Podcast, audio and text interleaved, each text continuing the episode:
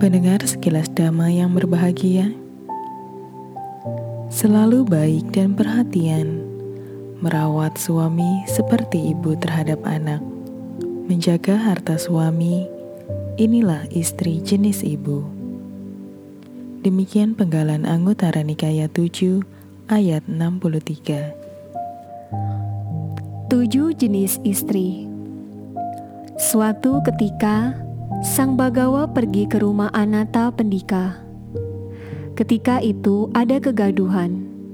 Bagawa bertanya, "Kenapa terjadi kegaduhan di rumahmu?" Orang akan mengira itu nelayan sedang menangkap ikan. Anata Pindika menjawab, "Bante, itu menantu saya, Sujata. Ia dari keluarga kaya. Ia tidak mematuhi mertua atau suami." Ia tidak memuliakan Bagawa. Sang Bagawa memanggil Sujata dan berkata, Sujata, ada tujuh jenis istri. Istri yang seperti pembunuh, pencuri, penguasa, ibu, saudari, teman, dan pelayan. Yang manakah kamu? Sujata menjawab, Saya tidak paham Urayan singkat Bante, mohon penjelasan. Sang Bagawa menjelaskan, penuh kebencian, tanpa kebaikan, bernafsu kepada laki-laki lain, merendahkan suami, berniat membunuh orang yang memilikinya. Inilah istri jenis pembunuh. Suami mencari nafkah dengan bekerja, berdagang, atau bertani jika sedikit saja ingin mencurinya, inilah isi jenis pencuri. Pemalas, ucapannya kasar, galak dan kotor.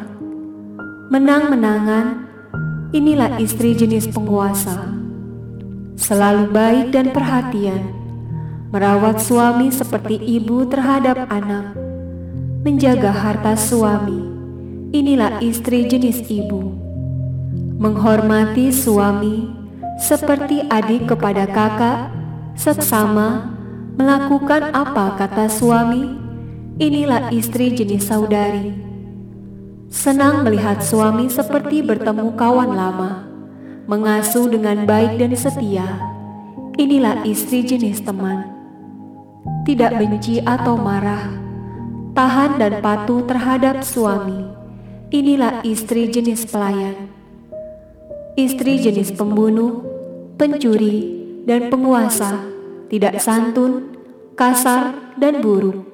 Setelah mati akan terlahir di neraka. Istri jenis ibu, saudari, teman, dan pelayan, santun, terkendali baik, setelah mati akan terlahir di surga. Sujata, inilah tujuh jenis istri yang manakah kamu?